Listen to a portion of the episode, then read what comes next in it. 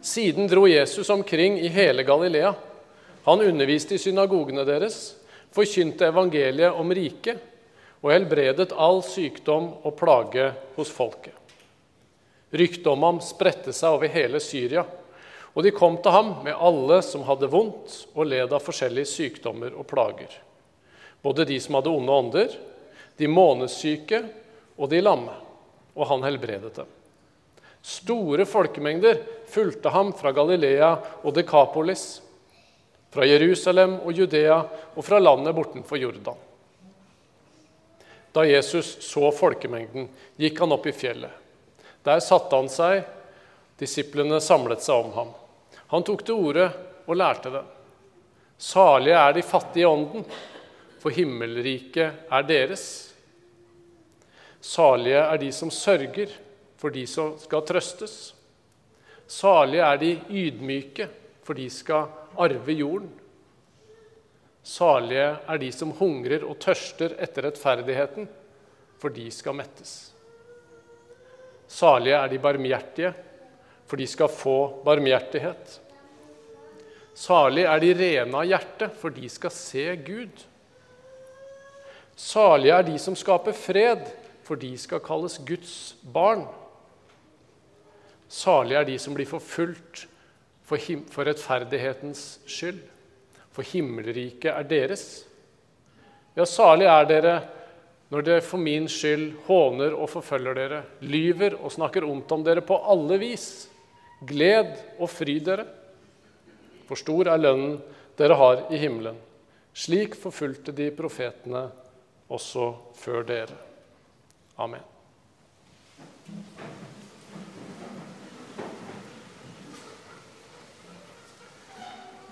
Vi starta litt tidlig i teksten for å finne ut hvem Jesus snakker til i dag. Hva er sammenhengen? Jesus han har blitt beredt sin gjerning gjennom dåp og fristelse i ørkenen.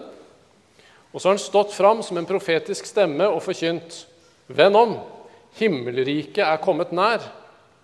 Og så har Jesus helbreda sykdom og plage, jaga ut onde ånder. Ja, han er han har vist dem himmelriket i gjerning. Og Ifølge Matteus så har han rukket å invitere med seg fire av disiplene av det som seinere skal bli de tolv apostlene. Ja, Det er mange som kalles Jesus' disipler, men av de tolv apostlene har vi hørt om fire til nå. Men det er mange flere som følger Jesus. Store folkemengder fulgte Jesus fra Galilea, Dekapolis, Syria, Jerusalem, Judea og fra landet bortenfor Jordan. Hvem var de her? I Galilea så har vi synagogene, vi har jødisk befolkning som har blitt opplært i den jødiske tro, lært Gud å kjenne. Det var farisere der. I Dekapolis så var hedningene i stort flertall. Det var gresk kultur. Og I Jerusalem så har vi jo makteliten, vi har sadukeerne, presteskapet, de har base der. Judere og galileere de så skeivt på hverandre. Spytta gjerne i bakken hvis de så hverandre. Der var det betydelig fiendskap, selv om de var av samme folk. Og Så kan vi legge til fremmede fra Syria og på andre sida av Jordan. Da ser vi en mildt sagt fargerik folkebevegelse med representanter fra alle lag, masse interne spenninger, men én ting som forener alle disse. De fulgte i fotspora til Jesus fra Nasaret. De hadde sett glimt. Glimt av noe. Og saligprisningene det er proklamasjoner av Guds velsignelse og velvilje over folk du ikke skulle tru hadde Guds velvilje. Men borgerskapet i Guds rike det går langs helt andre linjer enn det vi er vant til. Alle som lytter nå til Jesus, de ser folk de ikke ønsker å identifisere seg sammen med i det hele tatt. Grekere skuler på jøder. Galileere og skuler på judeere, og fiskere ser skeivt på prestene som kanskje tar et skritt unna. Tenk i dag på en palestinsk araber fra Gaza og en jøde fra Ashkalon. i Jesus, så er de brødre. Da har de det viktigste felles. Og så har vi både synget og lest om noe der framme. Ser dere noen linjer her til teksten vi leste fra Johannes' åpenbaring? En skare så stor at ingen kunne telle de, fra alle nasjoner og stammer, folk og tungemål. Denne folkemengden i Galilea i all sin ufullkommenhet, den blir et frampek på Den gir oss et lite glimt av noe fullkomment der framme. En dag så skal det samles en stor, hvit flokk, en hvitkledd flokk, på tvers av alle disse motsetningene. Hvordan kan det skje? Og Den hemmeligheten skal Jesus nå begynne å åpenbare for folket og for oss. Han så folkemengden, og så gikk han opp i fjellet. Der satte han seg ned, og disiplene samla seg om Jesus. Jesus gikk ikke bort fra folkemengden, men det er nærliggende å tenke at han gikk opp til et høyt sted for nettopp å kunne høres av mange. Og Disiplene samla seg tettest om Jesus, men Jesus prater til en stor flokk som har dette ene til felles. De ser noe i Jesus som de trenger. Og Så får vi bekrefta det på slutten av bergpreken, hvor det sto at folket var gripet av undring over hans lære. På den ene måten så kommer jo ikke Jesus med noe nytt. I saligprisningen så øser Jesus fra den kilden som han hadde, det vi i dag kaller Det gamle testamentet, fra salmene og profetene. På den andre sida er jo alt nytt. Jesus løfter fram profetenes ord, og så oppfyller han de, og så blåser han liv inn i disse orda på en helt ny måte. Det er som at han drar sceneteppet litt til sida og lar oss få et glimt av det som Johannes fikk vise oss enda mer av seinere, nemlig herligheten i himmelen og i Guds rike. Guds fullkomne evighetsrike. Og det aller viktigste det er at Jesus han liksom trekker Guds rike ned til oss. Til enhver trengende sjel deler Jesus ut Guds rike. Himmelriket er nær. Guds rike det er et usynlig rike. Kan vi lese i Lukas 17? Da sier Jesus at Guds rike kommer ikke på en sånn måte at dere kan se det med øynene. For Guds rike er inni dere. Sånn som surdeigen som man brukte før. Ja, noen bruker det jo fortsatt. Sånn som surdeigen på en usynlig måte sprer seg til hele deigen, gjennomsyrer hele deigen over tid. Sånn vil Guds rike bryte fram. I det usynlige og vinne terreng. Én sjel av gangen. Hvor fantastisk er ikke da Jesu første ord? Salige er de fattige i ånden, for himmelriket er deres.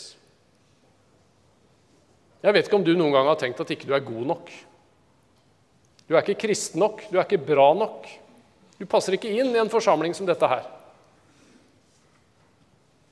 Ja, kanskje er det noen av dere som sitter hjemme og følger med digitalt, som tenker sånn, og som nettopp derfor sitter hjemme. Dette er ord til dere. Med ett ord så inviteres hver enkelt inn. Du som ser din egen hjelpeløshet og søker Jesus, du eier himmelen. I dine tomme hender så legges det nå et frø. Et frø som er så lite at det knapt syns. Men som, når det gis i næring, så spirer det, så vokser det, og så kan det bli noe stort. Og det blir noe livskraftig. Det blir et sted hvor andre kan finne ly. Dette gis deg som en skatt. Så er det her Jesus begynner. Det er to saligprisninger som skiller seg ut. Jeg vet ikke om dere har tenkt på det, eller om dere ser det nå. Sjelden har det vi lærte i norsken, vært viktigere enn her med verbtider. Aldri har presens hatt en sånn verdi. Himmelriket er deres. Det er her det starter, med disse tomme hendene, fattig i ånden, og en gave. En gave som gis. Og Jesus snakker til alle som kommer til han, knust og nedbøyd i ånden, som vi starta med før bekjennelsen i dag. For det er hos sånne Jesus tar bolig. Han gi ånden liv, leste vi også fra Guds ord. Himmelriket er deres. De fire første saligprisningene de maler ut dette bildet av de som hører til i Guds rike. De som står med åpne, tomme hender, og som tar imot. De som sørger, skal trøstes. Sorgen skal ikke idealiseres. Dette er ikke en oppskrift på å bli god nok og sørge. Nei, men vi skal vite i sorgen så er Gud til stede. Og en gang skal Gud tørke bort hver eneste tåre fra vårt ansikt og fra våre øyne. Sorgen er midlertidig. Gleden og trøsten, den er evig. De ydmyke, de saktmodige, het det før. Hvem er de? Det er de som ikke står på sine krav, men som tålmodig venter. De som ikke slåss for sin arv og sin rett, ja, de skal vinne den. Jesus henter opp Salme 37, som handler om nettopp hvem er det som skal arve landet. Der kan vi lese bl.a.: Men de hjelpeløse skal arve landet og glede seg over varig fred. Det kan jo være fristende å ta seg til rette her i verden. Når man må lide urett, så blir man heller med på å skape mer urett ved å prøve å ja, rette opp og kreve sin rett. Men den troende kan overlate sin sak til Herren og vite det er vi som skal arve. Det er ikke bare et landområde, det er et løfte som knyttes til Israels folk, og får og skal få sin oppfyllelse blant oss. Men Jesus løfter perspektivet til en ny dimensjon. En hel jord, en ny jord. En ny himmel og en ny jord er vår. Og så adresseres de undertrykte. Dere som hungrer og tørster etter rettferdighet. Dere skal ikke for alltid gå sultne. Jesaja 57 klinger her i bakgrunnen. Kom, alle tørste, kom til vannet. Dere uten penger, kom, kjøp korn og spis. Et folkeslag som ikke kjenner deg, skal løpe mot deg, står det også der. Og søk Herren mens han er å finne. Når du har funnet Jesus, da har du funnet rettferdigheten. Du skal mettes av livets brød. Og Disse versene har gitt oss et bilde av ja, hvem er det som eier Guds rike. Hvem er det som har tomme hender og tar imot dette frøet? Og I de neste versene så ser vi at Gud han vil bruke disse tomme hendene. Vi ser hvordan dette frøet spirer fram. Om vi kunne få se dette Guds rike. Se konturene av det usynlige. Ja, at det blir synlig i oss og rundt oss. Jeg kom til å tenke på den historien om Elisha og tjeneren hans. De er i en liten landsby, og de er omringa av aramerhæren, fiendene deres. Og Så våkner tjeneren på morgenen, går ut og ser at her står det jo folk, soldater, rundt hele den lille hytta de er i. Han blir selvfølgelig livende redd. Og så kommer han til Elisha, og Elisha er rolig og ber til Gud. Herre, åpne hans øyne. Lukk opp guttens øyne så han kan se. Så står det Herren åpnet hans øyne, og han fikk se at fjellet var fullt av ildhester og ildvogner. Han fikk se det usynlige. Han fikk se inn i det usynlige riket. Må det også være vår bønn? Komme ditt rike. La meg få se ditt rike, Gud. La det usynlige bli synlig for meg. Ja, for det er helt reelt, det som vi ikke ser. Og så svarer Gud på den bønnen med å vise oss det til ordet. Sånn som vi finner det bl.a. i bergpreken. Sånn er Guds rike.